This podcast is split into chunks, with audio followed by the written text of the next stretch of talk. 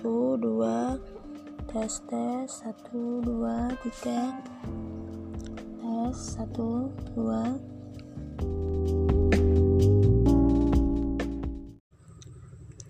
Bismillahirrahmanirrahim. Assalamualaikum warahmatullahi wabarakatuh.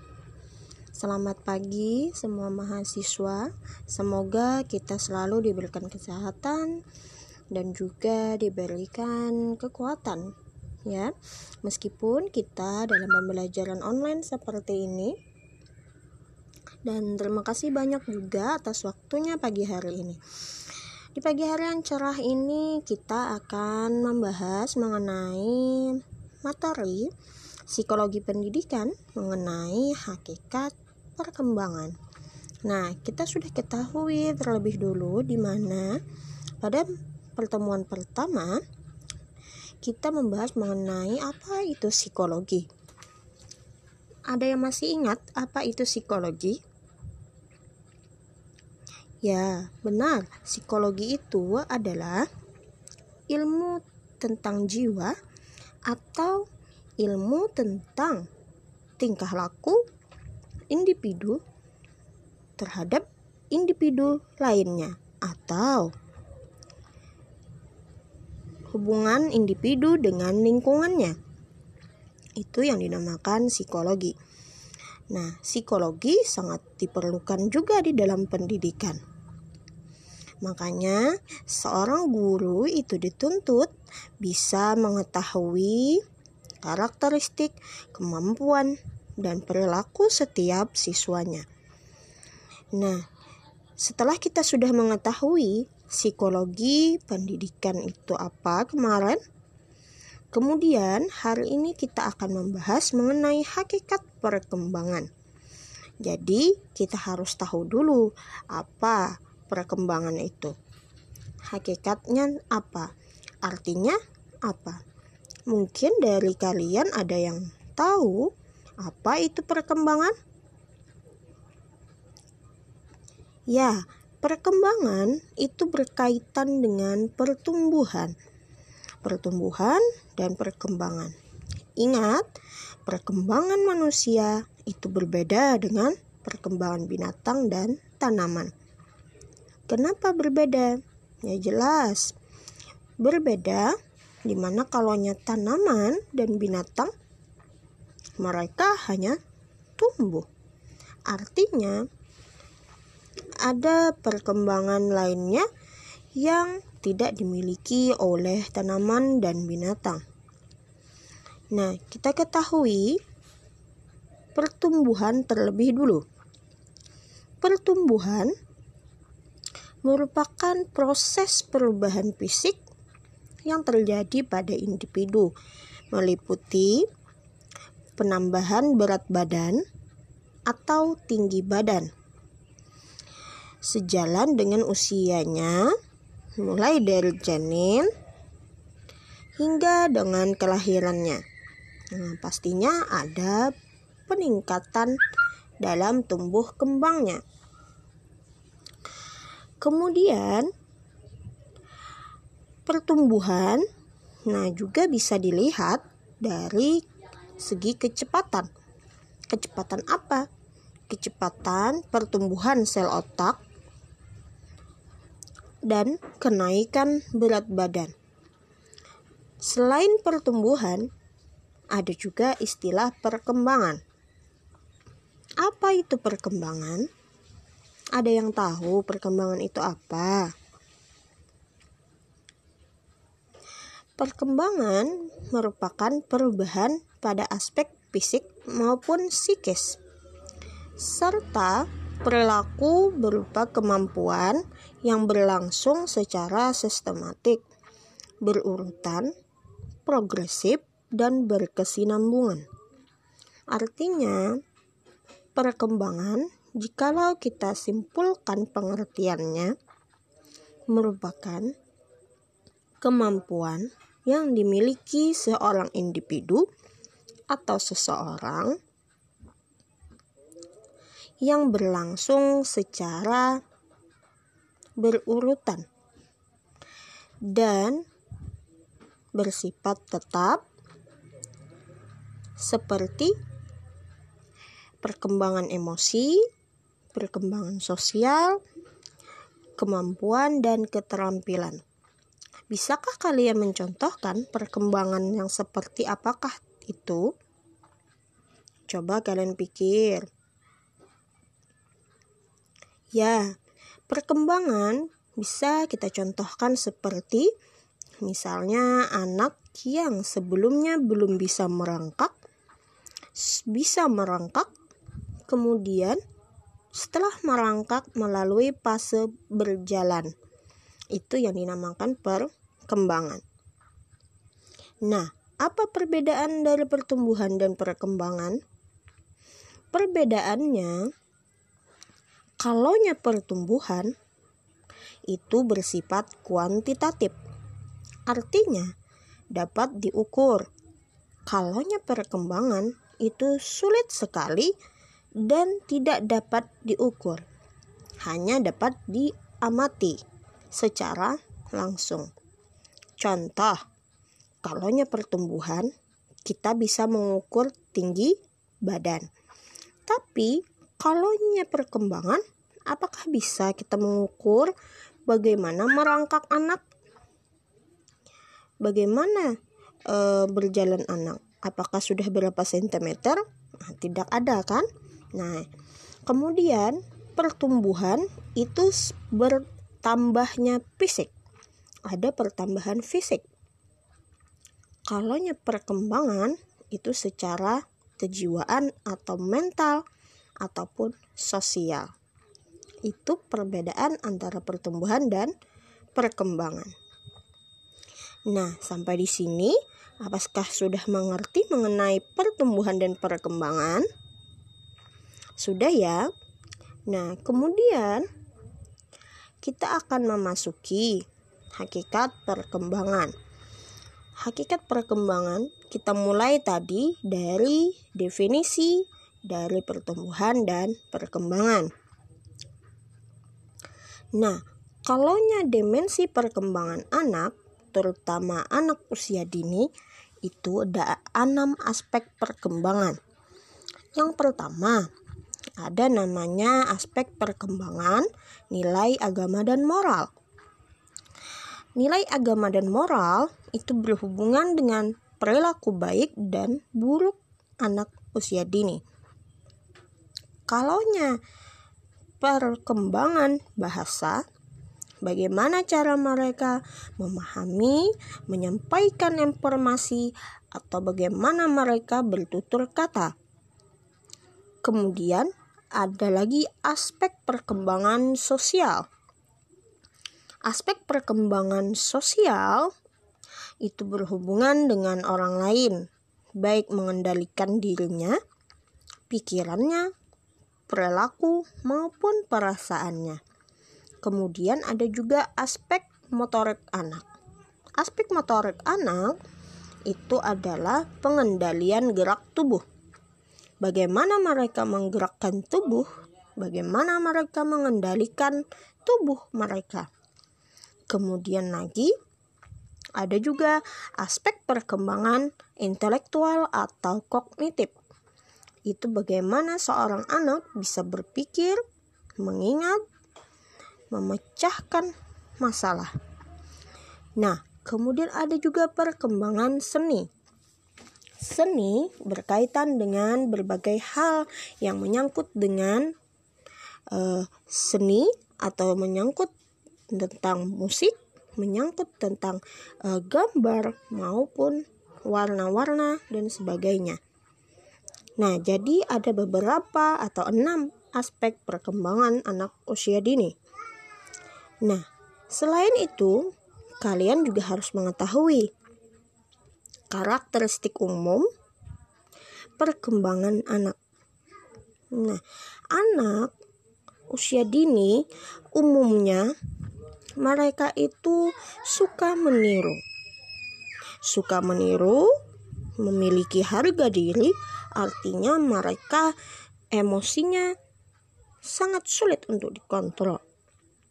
Kemudian menyukai proses dan suka mengulang hal-hal yang mereka sukai.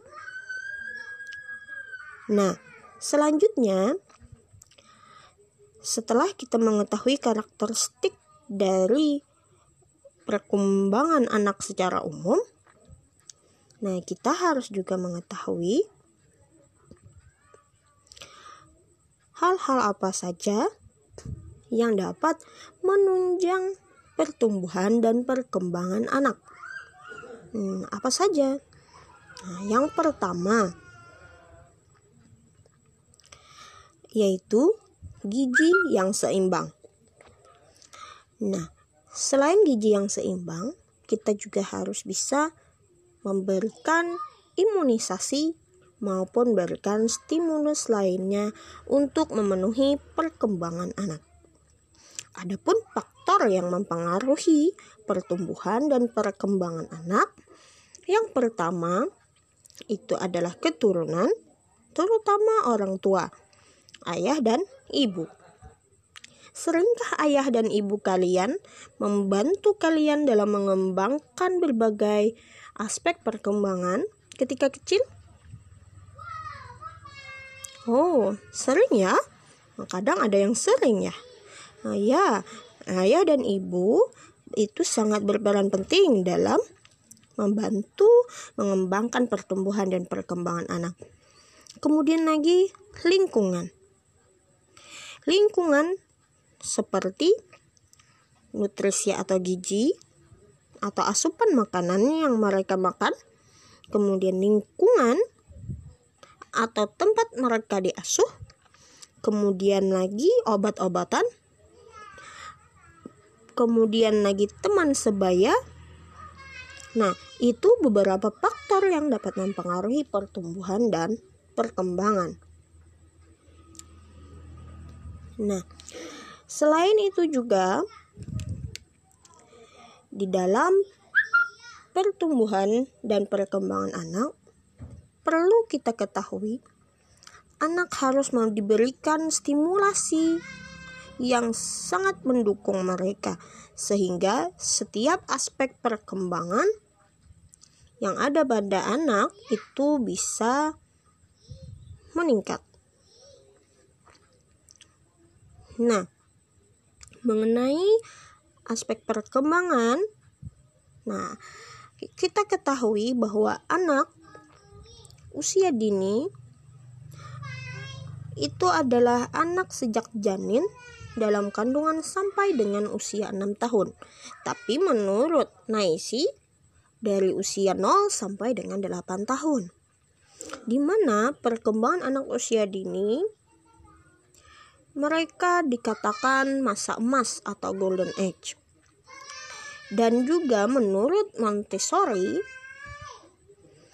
perkembangan di saat usia dini ini merupakan sensitif periode, artinya periode kepekaan. Dan mereka juga usia penjelajah, usia bertanya, usia meniru, dan usia kreatif. Makanya, hati-hati ketika kita berbicara kepada anak, mereka bisa langsung meniru, ya. Nah, kemudian lagi, kita ketahui juga bahwa Potensi atau kemampuan yang dimiliki anak 100 sampai 200 miliar sel otak siap melakukan sambungan antar sel. Di mana sambungan itu diperkuat hingga mulai usia 11 tahun. Nah, anak memiliki berbagai macam uh, perkembangan yang harus kita kembangkan. Adapun tahapan perkembangan anak, di mana tahapan perkembangan anak itu mulai dari periode kelahirannya sampai dengan mereka dewasa. Nah, di mana yang kita ketahui ada beberapa prinsip perkembangan. Perkembangan berlangsung dari konkret ke abstrak. Artinya, anak usia dini mereka hanya bisa berpikir hal-hal yang nyata, berpikir hal-hal yang ada replikanya atau tiruannya. Jadi mereka tidak bisa menghayal-hayal. Nah, kemudian perkembangan berlangsung dari egosentris ke perspektivisme. Artinya, seorang anak fokus pada diri mereka atau hanya fokus pada satu tujuan saja. Kemudian,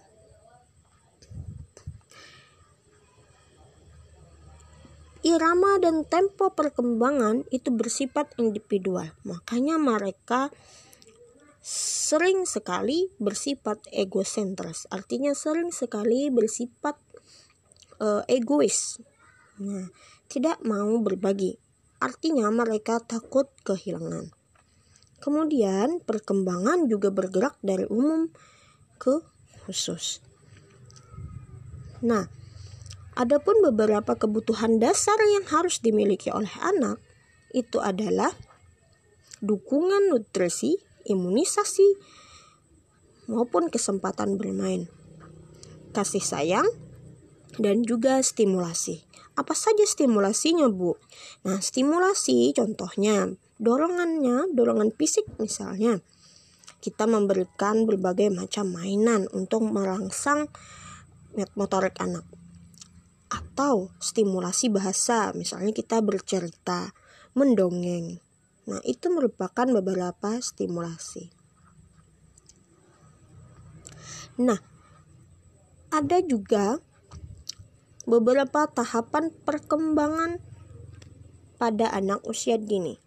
Salah satunya pada usia 5 sampai dengan 6 tahun perkembangan nilai agama dan moral itu mengenal agama yang dianutnya. Itu sudah mereka ketahui ketika berusia 5 sampai dengan 6 tahun. Kemudian ada perkembangan fisik motorik. Apa itu? Yaitu keterampilan motorik kasar dan motorik halus.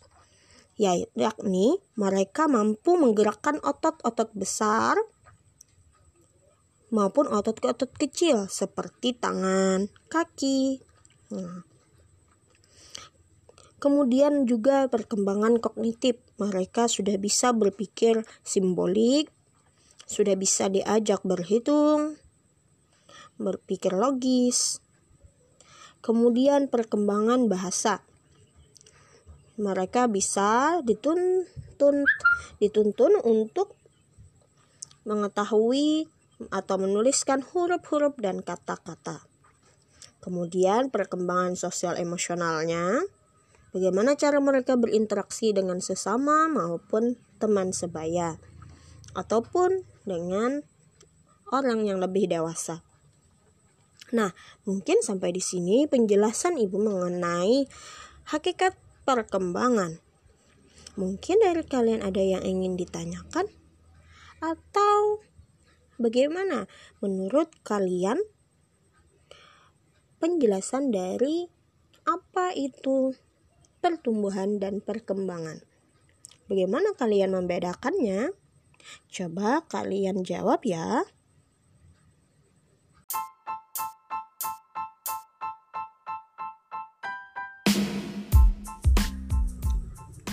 Bismillahirrahmanirrahim. Assalamualaikum warahmatullahi wabarakatuh. Selamat pagi semua mahasiswa. Semoga kita selalu diberikan kesehatan dan juga diberikan kekuatan ya. Meskipun kita dalam pembelajaran online seperti ini dan terima kasih banyak juga atas waktunya pagi hari ini. Di pagi hari yang cerah ini kita akan membahas mengenai materi psikologi pendidikan mengenai hakikat perkembangan. Nah, kita sudah ketahui terlebih dulu di mana pada pertemuan pertama kita membahas mengenai apa itu psikologi. Ada yang masih ingat apa itu psikologi? Ya, benar. Psikologi itu adalah ilmu tentang jiwa atau ilmu tentang tingkah laku individu terhadap individu lainnya atau hubungan individu dengan lingkungannya. Itu yang dinamakan psikologi. Nah, psikologi sangat diperlukan juga di dalam pendidikan. Makanya, seorang guru itu dituntut bisa mengetahui karakteristik, kemampuan, dan perilaku setiap siswanya. Nah, setelah kita sudah mengetahui psikologi pendidikan itu apa kemarin, kemudian hari ini kita akan membahas mengenai hakikat perkembangan. Jadi, kita harus tahu dulu apa perkembangan itu. Hakikatnya apa? Artinya apa? Mungkin dari kalian ada yang tahu apa itu perkembangan? Ya, perkembangan itu berkaitan dengan pertumbuhan. Pertumbuhan dan perkembangan. Ingat, perkembangan manusia itu berbeda dengan perkembangan binatang dan tanaman. Kenapa berbeda? Ya jelas. Berbeda di mana kalau tanaman dan binatang mereka hanya tumbuh. Artinya ada perkembangan lainnya yang tidak dimiliki oleh tanaman dan binatang. Nah, kita ketahui pertumbuhan terlebih dulu. Pertumbuhan merupakan proses perubahan fisik yang terjadi pada individu, meliputi penambahan berat badan atau tinggi badan sejalan dengan usianya, mulai dari janin hingga dengan kelahirannya. Nah, pastinya ada peningkatan dalam tumbuh kembangnya. Kemudian pertumbuhan nah juga bisa dilihat dari segi kecepatan. Kecepatan apa? Kecepatan pertumbuhan sel otak dan kenaikan berat badan. Selain pertumbuhan, ada juga istilah perkembangan. Apa itu perkembangan? Ada yang tahu perkembangan itu apa?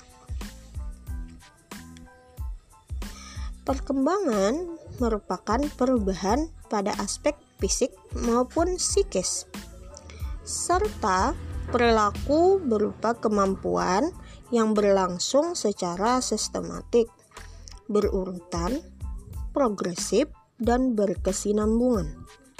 Artinya, perkembangan, jikalau kita simpulkan pengertiannya, merupakan kemampuan yang dimiliki seorang individu atau seseorang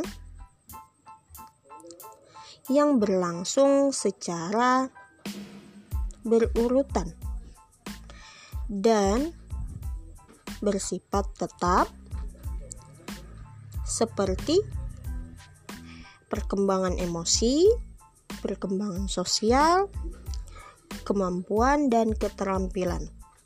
Bisakah kalian mencontohkan perkembangan yang seperti apakah itu? Coba kalian pikir. Ya, Perkembangan bisa kita contohkan seperti misalnya anak yang sebelumnya belum bisa merangkak bisa merangkak kemudian setelah merangkak melalui fase berjalan itu yang dinamakan perkembangan nah apa perbedaan dari pertumbuhan dan perkembangan perbedaannya Kalaunya pertumbuhan itu bersifat kuantitatif. Artinya dapat diukur. Kalaunya perkembangan itu sulit sekali dan tidak dapat diukur. Hanya dapat diamati secara langsung. Contoh, kalaunya pertumbuhan kita bisa mengukur tinggi badan. Tapi kalaunya perkembangan apakah bisa kita mengukur bagaimana merangkak anak? Bagaimana e, berjalan anak? Apakah sudah berapa sentimeter? Nah, tidak ada kan? Nah, kemudian pertumbuhan itu bertambahnya fisik. Ada pertambahan fisik. Kalau perkembangan itu secara kejiwaan atau mental ataupun sosial. Itu perbedaan antara pertumbuhan dan perkembangan. Nah, sampai di sini apakah sudah mengerti mengenai pertumbuhan dan perkembangan? Sudah ya? Nah, kemudian kita akan memasuki hakikat perkembangan.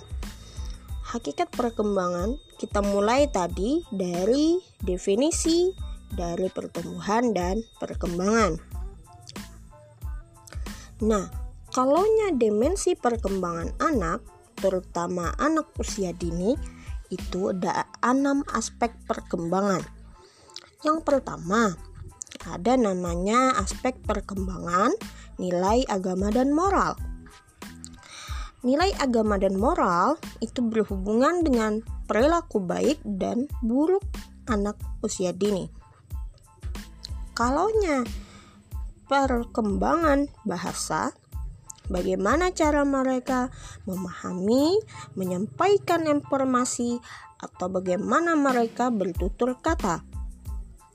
Kemudian ada lagi aspek perkembangan sosial aspek perkembangan sosial itu berhubungan dengan orang lain, baik mengendalikan dirinya, pikirannya, perilaku, maupun perasaannya. Kemudian ada juga aspek motorik anak. Aspek motorik anak itu adalah pengendalian gerak tubuh. Bagaimana mereka menggerakkan tubuh, bagaimana mereka mengendalikan tubuh mereka. Kemudian lagi ada juga aspek perkembangan intelektual atau kognitif. Itu bagaimana seorang anak bisa berpikir, mengingat, memecahkan masalah. Nah, kemudian ada juga perkembangan seni. Seni berkaitan dengan berbagai hal yang menyangkut dengan uh, seni atau menyangkut tentang musik, menyangkut tentang uh, gambar maupun warna-warna dan sebagainya. Nah, jadi ada beberapa atau enam aspek perkembangan anak usia dini. Nah, selain itu, kalian juga harus mengetahui karakteristik umum perkembangan anak. Nah, anak usia dini umumnya mereka itu suka meniru. Suka meniru, memiliki harga diri, artinya mereka emosinya sangat sulit untuk dikontrol. Kemudian menyukai proses dan suka mengulang hal-hal yang mereka sukai. Nah, selanjutnya setelah kita mengetahui karakteristik dari perkembangan anak secara umum, nah kita harus juga mengetahui hal-hal apa saja yang dapat menunjang pertumbuhan dan perkembangan anak. Hmm, apa saja? Nah, yang pertama yaitu gizi yang seimbang. Nah, selain gizi yang seimbang, kita juga harus bisa memberikan imunisasi maupun berikan stimulus lainnya untuk memenuhi perkembangan anak. Adapun faktor yang mempengaruhi pertumbuhan dan perkembangan anak, yang pertama itu adalah keturunan, terutama orang tua, ayah dan ibu. Seringkah ayah dan ibu kalian membantu kalian dalam mengembangkan berbagai aspek perkembangan ketika kecil? Oh, sering ya? Kadang ada yang sering ya. Ya, ayah dan ibu itu sangat berperan penting dalam membantu mengembangkan pertumbuhan dan perkembangan anak. Kemudian lagi lingkungan. Lingkungan seperti nutrisi atau gizi atau asupan makanan yang mereka makan, kemudian lingkungan atau tempat mereka diasuh, kemudian lagi obat-obatan, kemudian lagi teman sebaya.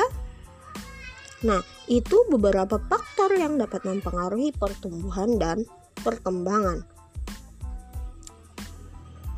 Nah, selain itu juga di dalam pertumbuhan dan perkembangan anak perlu kita ketahui anak harus mau diberikan stimulasi yang sangat mendukung mereka sehingga setiap aspek perkembangan yang ada pada anak itu bisa meningkat. Nah, mengenai aspek perkembangan, nah, kita ketahui bahwa anak usia dini itu adalah anak sejak janin dalam kandungan sampai dengan usia 6 tahun. Tapi menurut Naisi dari usia 0 sampai dengan 8 tahun di mana perkembangan anak usia dini mereka dikatakan masa emas atau golden age. Dan juga menurut Montessori, perkembangan di saat usia dini ini merupakan sensitif periode, artinya periode kepekaan. Dan mereka juga usia penjelajah, usia bertanya, usia meniru, dan usia kreatif. Makanya, hati-hati ketika kita berbicara kepada anak, mereka bisa langsung meniru ya. Nah, kemudian lagi kita ketahui juga bahwa potensi atau kemampuan yang dimiliki anak 100 sampai 200 miliar sel otak siap melakukan sambungan antar sel. Di mana sambungan itu diperkuat hingga mulai usia 11 tahun. Nah, anak memiliki berbagai macam uh, perkembangan yang harus kita kembangkan. Adapun tahapan perkembangan anak, di mana tahapan perkembangan anak itu mulai dari periode kelahirannya sampai dengan mereka dewasa. Nah, di mana yang kita ketahui ada beberapa prinsip perkembangan. Perkembangan berlangsung dari konkret ke abstrak. Artinya, anak usia dini mereka hanya bisa berpikir hal-hal yang nyata, berpikir hal-hal yang ada replikanya atau tiruannya. Jadi mereka tidak bisa menghayal-hayal. Nah, kemudian perkembangan berlangsung dari egosentris ke perspektivisme. Artinya, seorang anak fokus pada diri mereka atau hanya fokus pada satu tujuan saja. Kemudian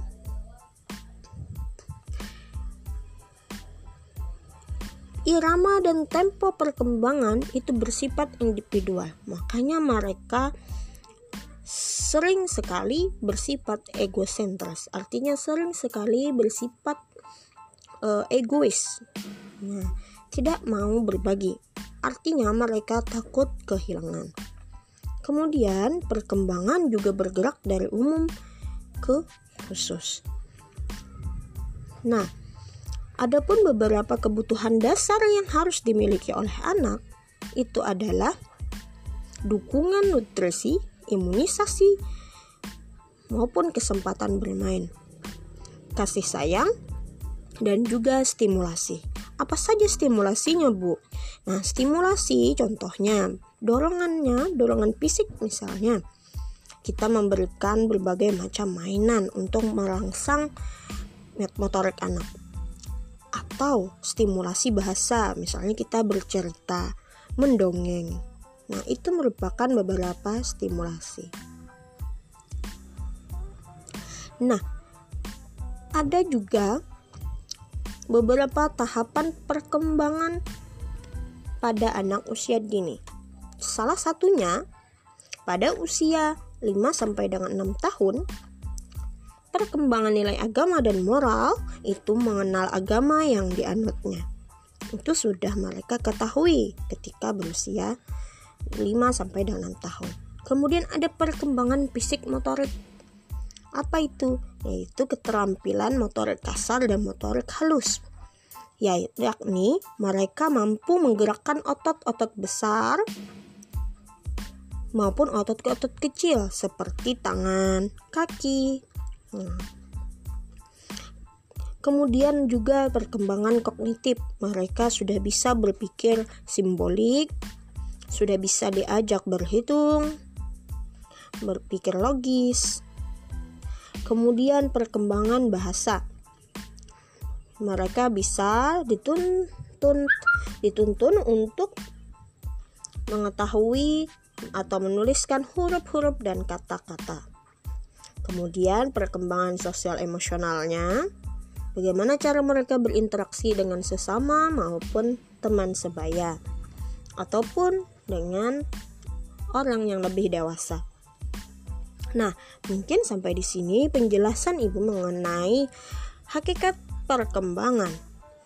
Mungkin dari kalian ada yang ingin ditanyakan atau bagaimana menurut kalian penjelasan dari apa itu pertumbuhan dan perkembangan. Bagaimana kalian membedakannya? Coba kalian jawab ya.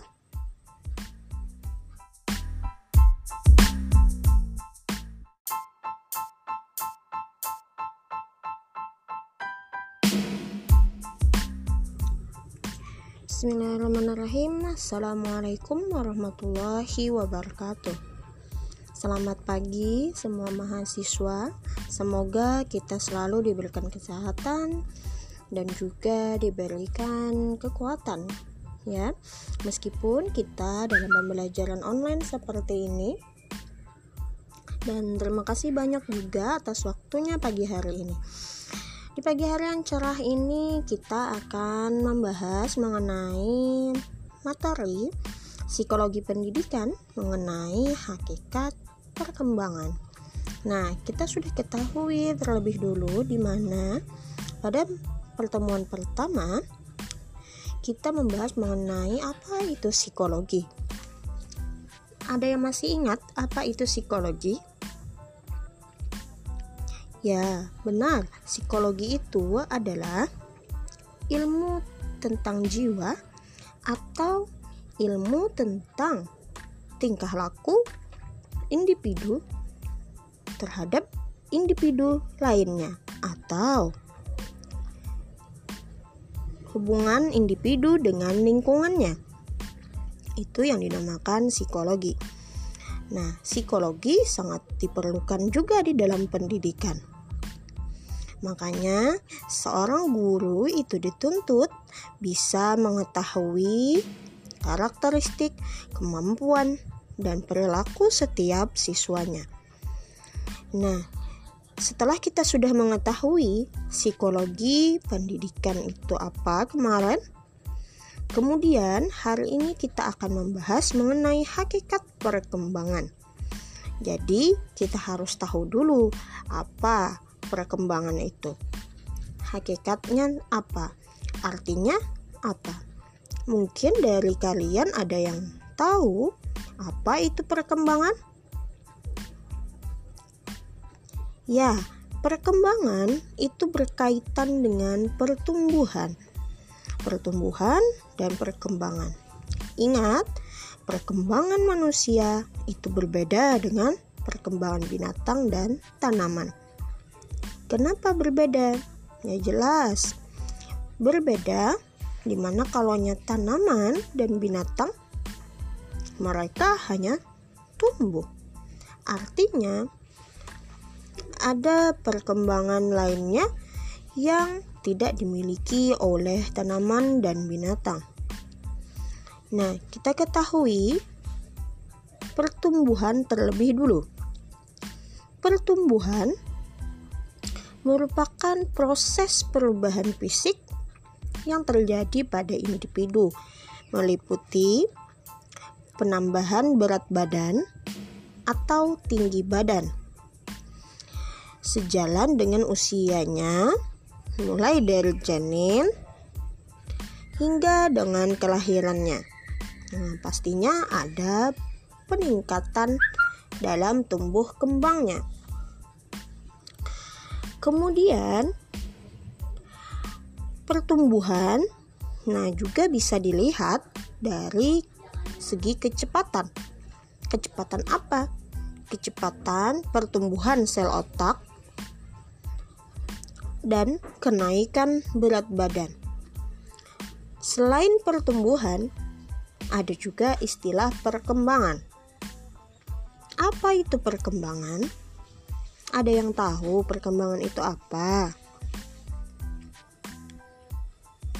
Perkembangan merupakan perubahan pada aspek fisik maupun psikis, serta perilaku berupa kemampuan yang berlangsung secara sistematik, berurutan, progresif, dan berkesinambungan. Artinya, perkembangan jikalau kita simpulkan pengertiannya, merupakan kemampuan yang dimiliki seorang individu atau seseorang yang berlangsung secara berurutan dan bersifat tetap seperti perkembangan emosi, perkembangan sosial, kemampuan, dan keterampilan. Bisakah kalian mencontohkan perkembangan yang seperti apakah itu? Coba kalian pikir. Ya, perkembangan bisa kita contohkan seperti misalnya anak yang sebelumnya belum bisa merangkak bisa merangkak kemudian setelah merangkak melalui fase berjalan. Itu yang dinamakan perkembangan. Nah, apa perbedaan dari pertumbuhan dan perkembangan? Perbedaannya, kalaunya pertumbuhan itu bersifat kuantitatif. Artinya, dapat diukur. Kalaunya perkembangan itu sulit sekali dan tidak dapat diukur, hanya dapat diamati secara langsung. Contoh, kalaunya pertumbuhan, kita bisa mengukur tinggi badan. Tapi kalaunya perkembangan, apakah bisa kita mengukur bagaimana merangkak anak? Bagaimana e, berjalan anak? Apakah sudah berapa sentimeter? Nah, tidak ada kan? Nah, kemudian pertumbuhan itu bertambahnya fisik. Ada pertambahan fisik. Kalau perkembangan itu secara kejiwaan atau mental ataupun sosial. Itu perbedaan antara pertumbuhan dan perkembangan. Nah, sampai di sini apakah sudah mengerti mengenai pertumbuhan dan perkembangan? Sudah ya? Nah, kemudian kita akan memasuki hakikat perkembangan. Hakikat perkembangan kita mulai tadi dari definisi dari pertumbuhan dan perkembangan. Nah, kalaunya dimensi perkembangan anak, terutama anak usia dini, itu ada enam aspek perkembangan. Yang pertama, ada namanya aspek perkembangan nilai agama dan moral. nilai agama dan moral itu berhubungan dengan perilaku baik dan buruk anak usia dini. Kalaunya perkembangan bahasa, bagaimana cara mereka memahami, menyampaikan informasi, atau bagaimana mereka bertutur kata. Kemudian, ada lagi aspek perkembangan sosial. Aspek perkembangan sosial itu berhubungan dengan orang lain, baik mengendalikan dirinya, pikirannya, perilaku, maupun perasaannya. Kemudian ada juga aspek motorik anak. Aspek motorik anak itu adalah pengendalian gerak tubuh bagaimana mereka menggerakkan tubuh, bagaimana mereka mengendalikan tubuh mereka. Kemudian lagi ada juga aspek perkembangan intelektual atau kognitif.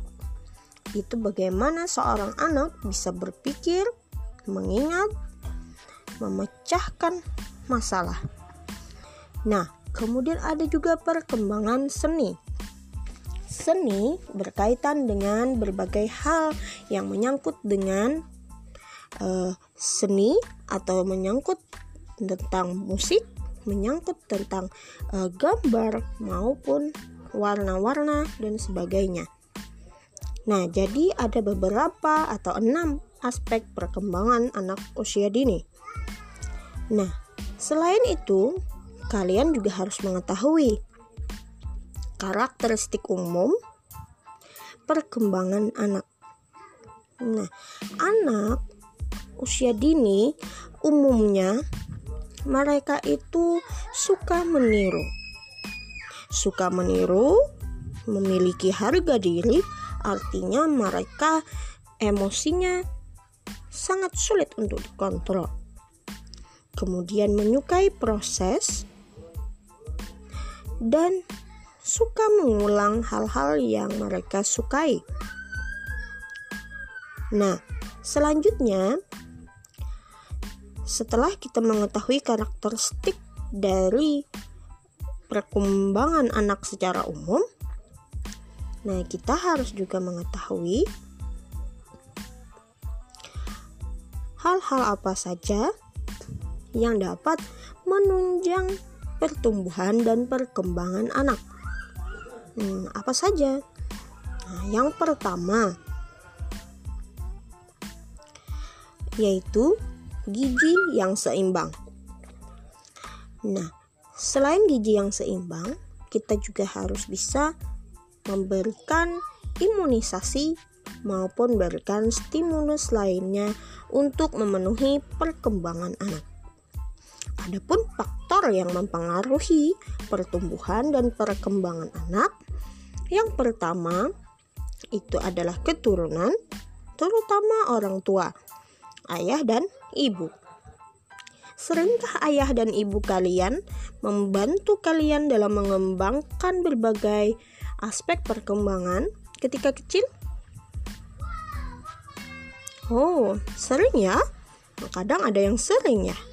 Ya, ayah dan ibu itu sangat berperan penting dalam membantu mengembangkan pertumbuhan dan perkembangan anak.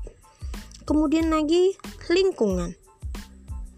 Lingkungan seperti nutrisi atau gizi atau asupan makanan yang mereka makan, kemudian lingkungan atau tempat mereka diasuh, kemudian lagi obat-obatan, kemudian lagi teman sebaya. Nah, itu beberapa faktor yang dapat mempengaruhi pertumbuhan dan perkembangan. Nah, selain itu juga di dalam pertumbuhan dan perkembangan anak perlu kita ketahui anak harus mau diberikan stimulasi yang sangat mendukung mereka sehingga setiap aspek perkembangan yang ada pada anak itu bisa meningkat. Nah, mengenai aspek perkembangan, nah kita ketahui bahwa anak usia dini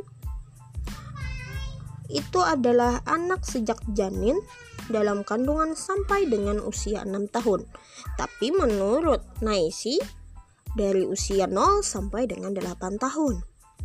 Di mana perkembangan anak usia dini mereka dikatakan masa emas atau golden age. Dan juga menurut Montessori, perkembangan di saat usia dini ini merupakan sensitif periode, artinya periode kepekaan. Dan mereka juga usia penjelajah, usia bertanya, usia meniru, dan usia kreatif. Makanya, hati-hati ketika kita berbicara kepada anak, mereka bisa langsung meniru, ya. Nah, kemudian lagi, kita ketahui juga bahwa potensi atau kemampuan yang dimiliki anak 100 sampai 200 miliar sel otak siap melakukan sambungan antar sel. Di mana sambungan itu diperkuat hingga mulai usia 11 tahun. Nah, anak memiliki berbagai macam uh, perkembangan yang harus kita kembangkan. Adapun tahapan perkembangan anak, di mana tahapan perkembangan anak itu mulai dari periode kelahirannya sampai dengan mereka dewasa. Nah, di mana yang kita ketahui ada beberapa prinsip perkembangan. Perkembangan berlangsung dari konkret ke abstrak. Artinya, anak usia dini mereka hanya bisa berpikir hal-hal yang nyata, berpikir hal-hal yang ada replikanya atau tiruannya. Jadi mereka tidak bisa menghayal-hayal. Nah, kemudian perkembangan berlangsung dari egosentris ke perspektivisme. Artinya, seorang anak fokus pada diri mereka atau hanya fokus pada satu tujuan saja. Kemudian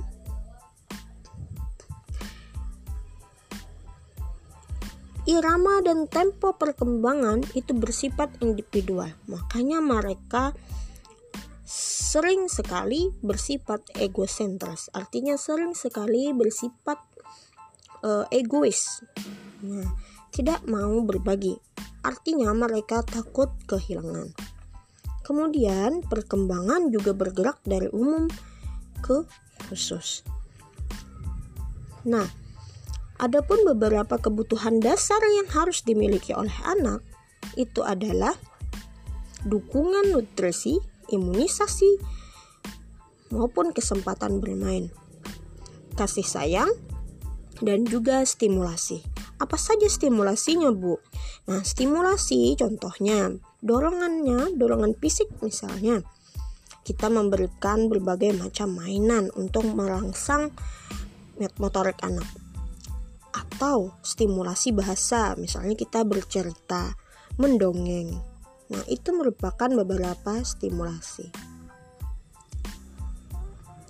nah ada juga beberapa tahapan perkembangan pada anak usia dini salah satunya pada usia 5 sampai dengan 6 tahun, perkembangan nilai agama dan moral itu mengenal agama yang dianutnya. Itu sudah mereka ketahui ketika berusia 5 sampai dengan 6 tahun. Kemudian ada perkembangan fisik motorik. Apa itu? Yaitu keterampilan motorik kasar dan motorik halus. Ya, yakni mereka mampu menggerakkan otot-otot besar, maupun otot-otot kecil seperti tangan, kaki. Hmm. Kemudian juga perkembangan kognitif. Mereka sudah bisa berpikir simbolik, sudah bisa diajak berhitung, berpikir logis. Kemudian perkembangan bahasa. Mereka bisa dituntun dituntun untuk mengetahui atau menuliskan huruf-huruf dan kata-kata. Kemudian perkembangan sosial emosionalnya, bagaimana cara mereka berinteraksi dengan sesama maupun teman sebaya ataupun dengan orang yang lebih dewasa. Nah, mungkin sampai di sini penjelasan Ibu mengenai hakikat perkembangan. Mungkin dari kalian ada yang ingin ditanyakan atau bagaimana menurut kalian penjelasan dari apa itu pertumbuhan dan perkembangan? Bagaimana kalian membedakannya? Coba kalian jawab ya.